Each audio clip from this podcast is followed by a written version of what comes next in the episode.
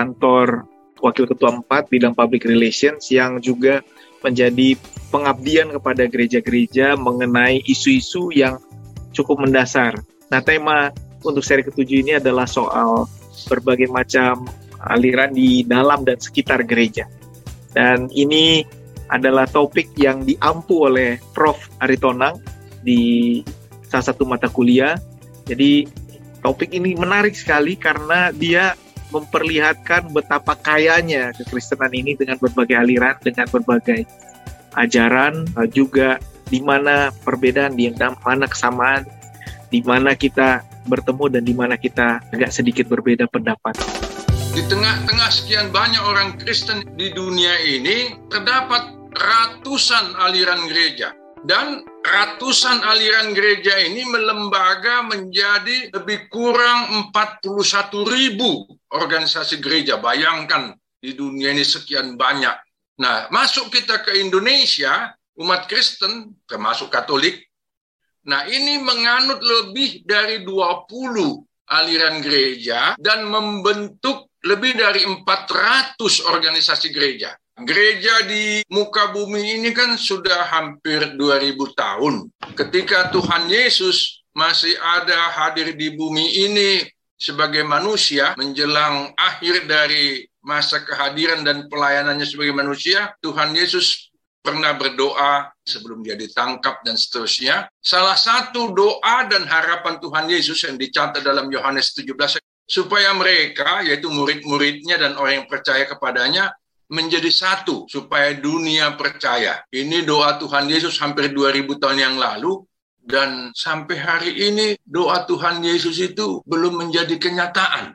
Hingga kini doa ini selalu diacu ketika gereja-gereja kita mengupayakan atau berbicara tentang keesaan gereja. Tapi nyatanya ya bukannya menjadi satu, tapi menjadi makin banyak. Selama hampir 2000 tahun ini gereja Kristen tidak pernah menjadi satu. Bahkan dari waktu ke waktu kian bertambah, baik alirannya maupun organisasinya. Sekolah Tinggi Filsafat Teologi Jakarta mempersembahkan kursus teologi dasar yang ketujuh dengan tema berbagai aliran di dalam dan di sekitar gereja. Kursus Teologi Dasar STFT Jakarta merupakan program pengabdian kepada masyarakat untuk memperlengkapi warga gereja mempelajari tema-tema dasar dalam teologi. Saksikan pengantar garis-garis besar aliran gereja bersama Pendeta Profesor Jan S. Aritonang PhD, Guru Besar STFT Jakarta, penulis buku Berbagai Aliran di Dalam dan di Sekitar Gereja. Kata pembuka oleh Pendeta Binsar Jonathan Papahan PhD, Wakil Ketua 4 STFT Jakarta bidang Public Relation dan dipandu oleh Monica Michelle, SSI, Public Relation STFT Jakarta. Simak selengkapnya dalam podcast edukasi series 13, 16, 20 Januari 2023 pukul 19 waktu Indonesia Barat di YouTube channel Jan S. Aritonang Official.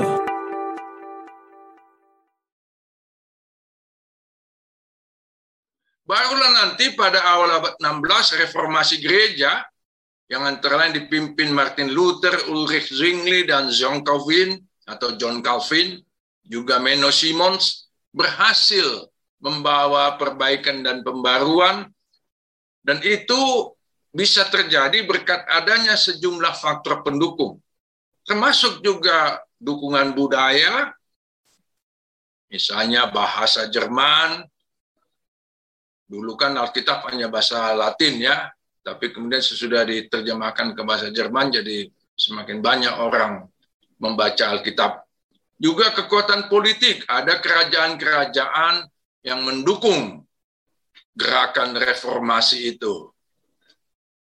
Nah, di satu sisi memang gerakan reformasi membarui gereja, tetapi di sisi lain menimbulkan dampak yang tidak direncanakan, yaitu timbulnya sejumlah aliran gereja.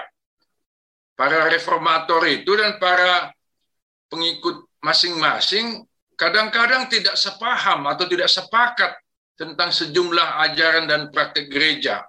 Misalnya mengenai baptisan, ada yang mempertahankan baptisan anak, ada yang mengatakan harus baptisan dewasa, mengenai perjamuan kudus, macam-macam. Mengenai disiplin gereja, ada yang sangat menekankan itu.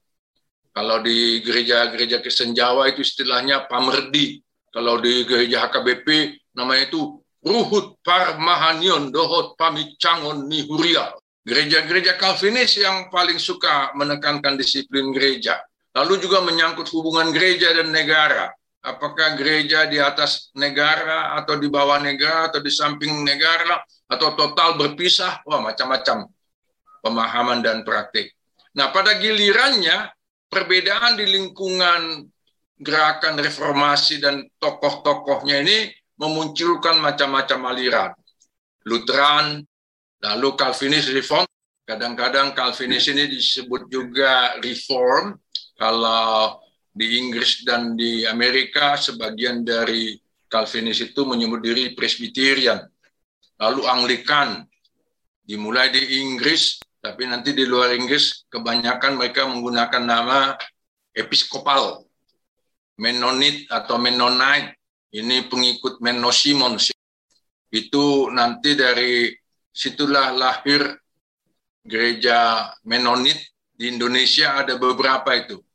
Gereja Kristen Muria Indonesia, Gereja Injil di Tanah Jawa, lalu Gereja Baptis. Di Indonesia saja dikumpul anggota gereja baptis ini nggak sampai setengah juta, tapi tersebar di lebih dari enam organisasi gereja.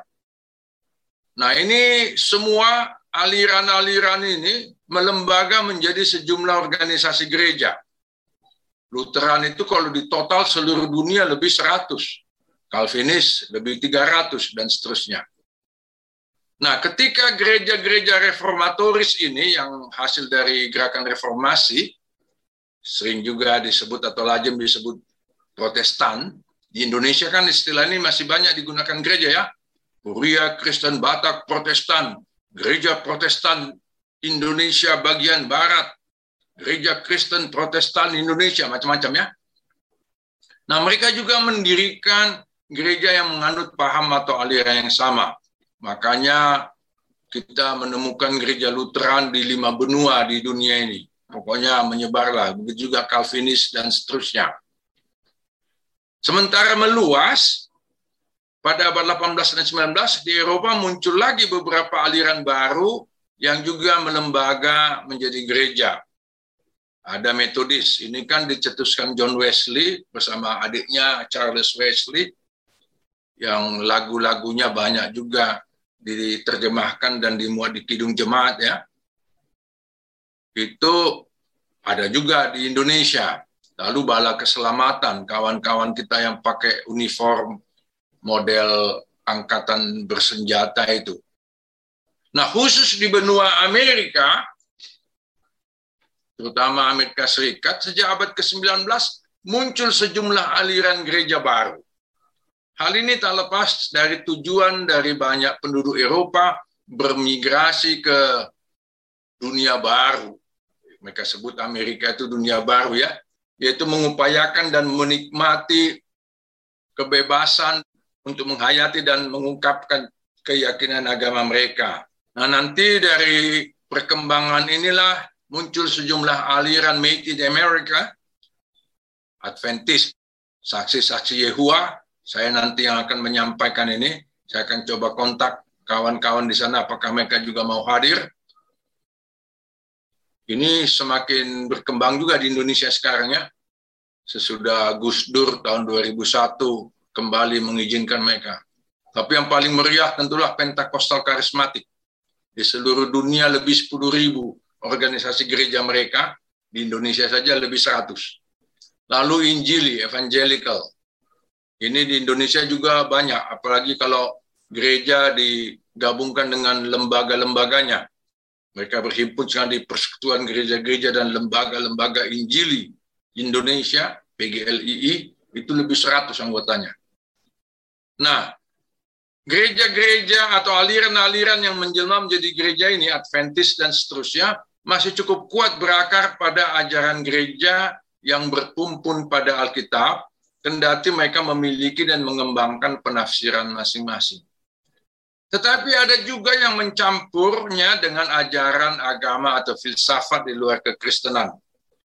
Antara lain Mormon yang di Indonesia gerejanya disebut gereja orang-orang suci zaman akhir. The Church of Christ of the Latter-day Saints. Ini pusatnya ini di Salt Lake City, Amerika Serikat, di Indonesia, antara lain di Jakarta ada gedung gerejanya. Lalu Christian Science, ini gereja yang dicetuskan oleh seorang perempuan, Mary Baker Eddy. Lalu ada Scientology yang dibentuk oleh Ron Hubbard. Saya tidak tahu apakah mereka sudah punya gedung di Indonesia ini. Tapi kalau di Amerika oh banyak sekali Church of Scientology. Lalu Children of God yang pernah juga hadir di Indonesia sudah dilarang pemerintah. Ada gerakan zaman baru. Nah ini New Age Movement ini tidak hanya menjelma menjadi gereja dia, tapi menjadi macam-macam. Bahkan juga kursus pengembangan kepribadian dan sebagainya. Bahkan ada yang menamakan diri satanisme. Nanti kita akan bahas ini di sesi terakhir ya. Fahamnya satanisme, nama gerejanya gereja setan, Church of Satan. Yang ajaran dan praktiknya sama sekali bertentangan atau berkebalikan dengan ajaran Kristen. Walaupun mereka menggunakan sejumlah istilah Kristen. Ada misalnya misa, ada juga baptisan, dan sebagainya. Nah, banyak dari aliran dan gereja yang tadi sudah disebut di atas hadir di Indonesia. Gereja Katolik Roma paling tidak sejak awal abad 16 lah ya. Portugis, Spanyol, dan seterusnya. Sebenarnya gereja di Indonesia sudah hadir abad ke-7, gereja Nestorian, tapi itu tidak kita bahas. Calvinis sudah sejak abad ke-17 dimulai dengan gereja reformir yang nanti menjadi cikal bakal dari The Protestant sekarang ini dalam India, anaknya itu antara lain GPIB, Lutheran sejak abad 18, Baptis, Menonit, Metodis sejak abad 19 sudah hadir, hingga aliran-aliran made in America yang tadi kita sudah lihat itu. Nah, sebagian besar aliran gereja yang kita bahas pada kursus teologi dasar 7 ini baru muncul sejak reformasi abad 16 kecuali gereja atau aliran ortodoks yang sudah sejak abad keempat atau kelima. Karena itu sebelum kita membahas satu demi satu, kita akan meninjau sejenak Gereja Katolik Roma yang menjadi katakanlah salah satu sumber dari macam-macam aliran dan gereja di dunia ini maupun di Indonesia ini. Saya tidak akan bacakan semua karena waktu kita hanya sampai jam 7 ya untuk bagian pertama ini. Saya hanya mau mengatakan bahwa di satu sisi gereja ini punya banyak perbedaan dengan gereja-gereja kita. Tetapi di sisi lain, terutama sesudah konsili Vatikan kedua, itu semakin terlihat kedekatan bahkan kesamaannya. Nanti kita akan lihat beberapa contohnya. Waktu Luther dan kawan-kawan mencetuskan reformasi, dari gereja Katolik Roma dikatakan bahwa mereka itu adalah pemberontak. Tetapi kemudian mereka juga mengakui bahwa ada banyak hal yang baik dari reformasi itu dan itu malah mereka itu mendorong mereka melakukan apa yang oleh Romo Edi Kristianto disebut reformasi dari dalam. Nah, gereja Katolik ini, gereja Katolik Roma tentu mengacu ke Alkitab untuk menyatakan bahwa mereka itulah gereja yang paling sah yang ditetapkan oleh Tuhan Yesus. Kita baca di Matius 16 ayat 18 19 ya. Di atas batu karang ini aku akan mendirikan jemaatku dan tidak akan lenyap. Nah, Petrus kan artinya batu karang. Lalu mereka mengatakan di atas Rasul Petrus. Tapi kemudian ada yang memahami bukan di atas Rasul Petrus, melainkan di atas pengakuan dari Rasul Petrus bahwa Yesus adalah Tuhan dan Mesias. Oke lah, pokoknya gereja Katolik ini berkembang. Tadi kita sudah lihat banyak sekali umat Kristen di dunia ini sampai hari ini adalah warga mereka. Dan yang menarik, walaupun banyak perpecahan dan sebagainya, sampai sekarang mereka itu masih bisa utuh di bawah satu komando. Di Vatikan itu yang mereka sebut pemimpin mereka itu Papa, Pope, Paus. Sementara gereja-gereja yang non-Katolik itu kan, bahkan gereja Ortodoks pun sudah terpecah macam-macam. Ada gereja Ortodoks Rusia, ada gereja Ortodoks Ukraina, berkelahi itu sekarang. Jadi macam-macam lah keadaan di gereja ini. Nah, saya memperlihatkan bahwa ada banyak persamaan. Antara lain Alkitab.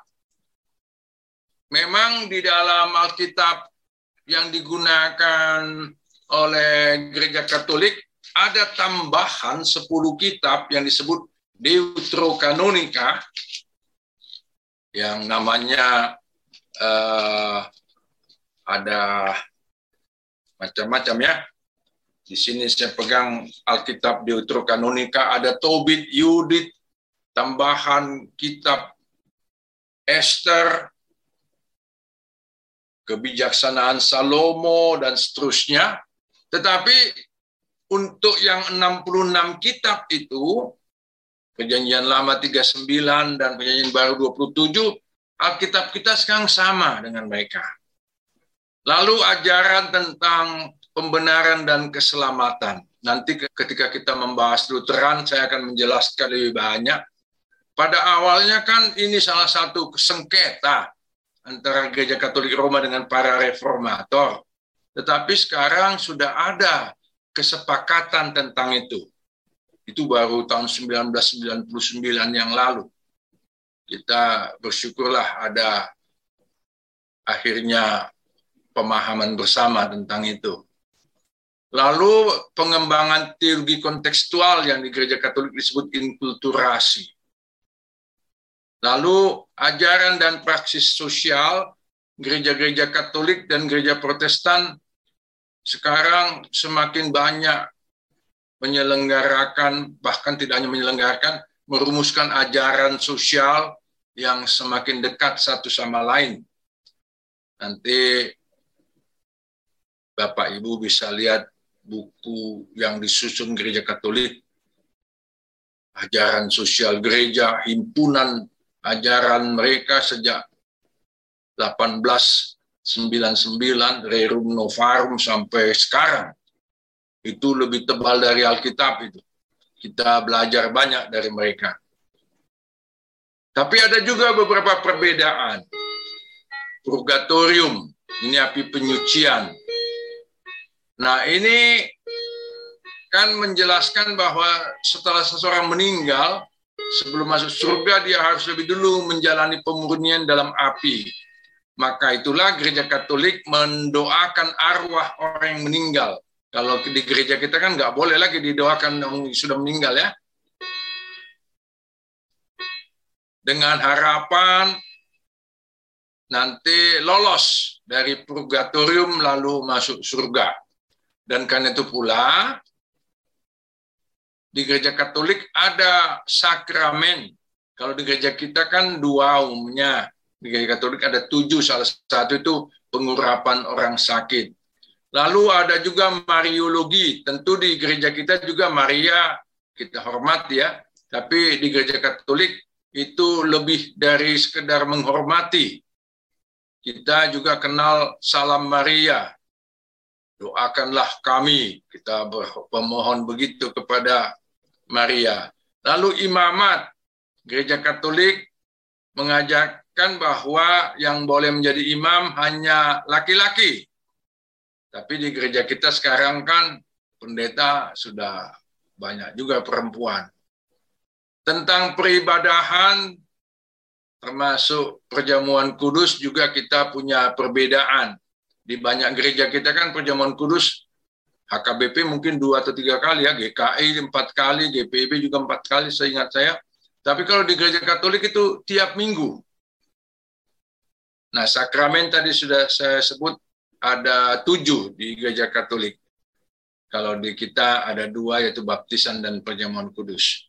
Nah, kawan-kawan sekalian, uh, saya sudah sampaikan ini sangat garis besar ya, dan nanti beberapa di antaranya ini masih akan kita bahas secara sendiri-sendiri ya, Lutheran, Calvinis, Mennonite, Betul, dan Pak. seterusnya.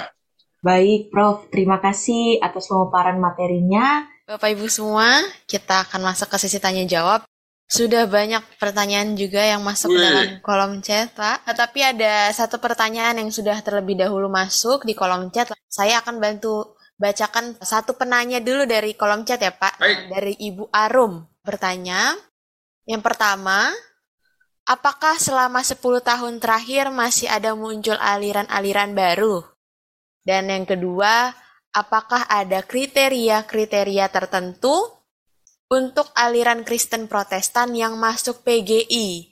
Kalau tidak masuk PGI, lalu di bawah naungan siapa, Pak? Nah, mungkin kita bisa jawab satu persatu ya, Pak Yan. Jadi tentang yang pertama itu apakah selama 10 tahun terakhir ada aliran baru? Jadi diasumsikan bahwa aliran-aliran itu kan berkembang. Dari satu aliran bisa bercabang-cabang. Ambil contoh di kalangan Lutheran. Lutheran ini macam-macam juga. Di kalangan Pentakosta karismatik itu bukan hanya satu macam. Ambil contoh misalnya di Indonesia, mungkin kita mengenal ada GBI yang masuk ke PGI, nanti ke PGI juga pertanyaan Ibu Arum kan. Tapi ada gereja Tiberias Indonesia yang dulu dipimpin oleh Pak Yesaya Pariaji, yang banyak kawan-kawan Pentakostal lain tidak setuju. Nah, jadi kita bisa mengasumsikan bahwa aliran-aliran ini terus berkembang. Cuma memang harus kita akui bahwa monitoring terhadap perkembangan ini tidak selalu up to date gitu ya. Saya masih mengikuti perkembangan itu di Amerika yang ada-ada saja muncul aliran baru. Ada itu Heaven's Gate, pintu gerbang surga, dan macam-macam lah. Di Indonesia, karena pemerintah kita mengendalikan perkembangan agama-agama, termasuk Kristen melalui Kementerian Agama, maka dalam bentuk yang nyata itu tidak selalu terlihat adanya aliran-aliran baru, tapi kalau kita melihat di macam-macam media sosial ya ada saja muncul paham yang bisa nanti berkembang menjadi aliran yang baru relatif baru dalam arti baru muncul di Indonesia. Apalagi pada masa kita sekarang ya di mana terjadi proses globalisasi yang menghasilkan borderless society, masyarakat tanpa batas, negara tanpa batas, juga kadang-kadang tidak bisa lagi kita membendung ataupun juga menginventarisasi semuanya. Jadi masing-masing kita boleh memantau itu dan nanti dalam sesi-sesi selanjutnya bisa kita mendiskusikan lebih lanjut. Nah, yang kedua itu tentang kriteria tertentu masuk PGI. Di tangan saya ini ada dokumen keesaan gereja yang disusun dan disepakati oleh gereja-gereja anggota PGI. Ada beberapa dokumen di sini, dimulai dari pokok-pokok tugas panggilan bersama, lalu pemahaman bersama iman Kristen. Pemahaman bersama iman Kristen ini kan terdiri dari beberapa bab tentang Tuhan Allah, penciptaan dan pemeliharaan, manusia, penyelamatan, kerajaan Allah dan hidup baru, gereja, Alkitab. Lalu nanti ada lagi sejumlah dokumen yang disebut oikumene gerejawi, ada piagam saling mengakui dan saling menerima, kemandirian daya dana dan teologi dan sebagainya.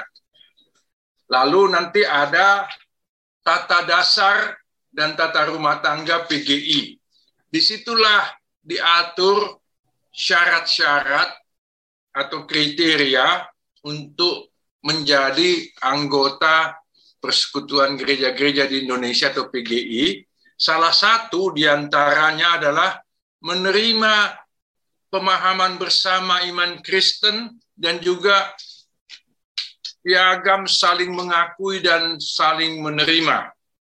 Jadi di pemahaman bersama iman Kristen tadi saya sudah sebutkan ya ada beberapa pokok pemahaman tentang Tuhan Allah, tentang penciptaan, tentang Alkitab dan seterusnya.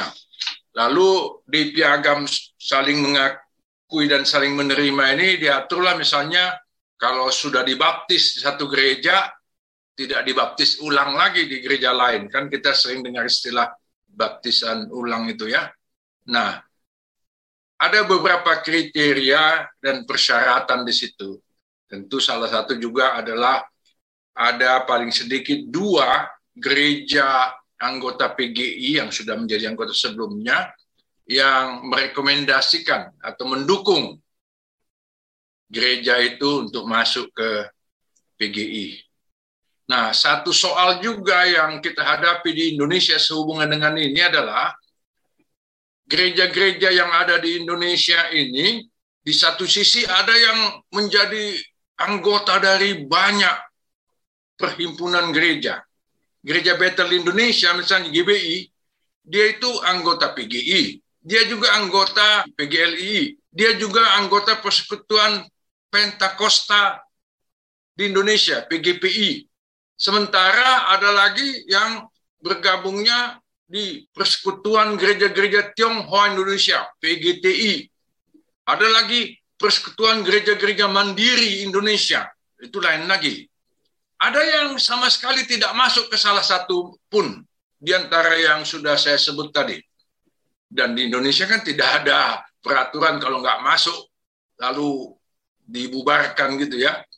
Nah, Kementerian Agama melalui Ditjen atau Direktorat Jenderal Bimas Kristen memang menjalin hubungan dengan macam-macam persekutuan gereja tadi, tetapi juga tidak punya ketentuan untuk mengatakan atau mengharuskan setiap gereja harus masuk ke salah satu. Ambil contoh, gerejanya Pak Stephen Tong itu, gereja Reform Injil Indonesia, dia nggak masuk ke mana-mana itu. Tapi kan nggak ada yang bisa melarang dia untuk berbuat begitu.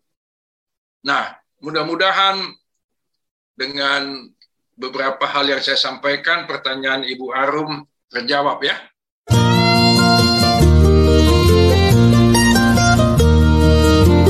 Podcast Edukasi Series Jan S. Aritonang Official Inspiration, Education, Collaboration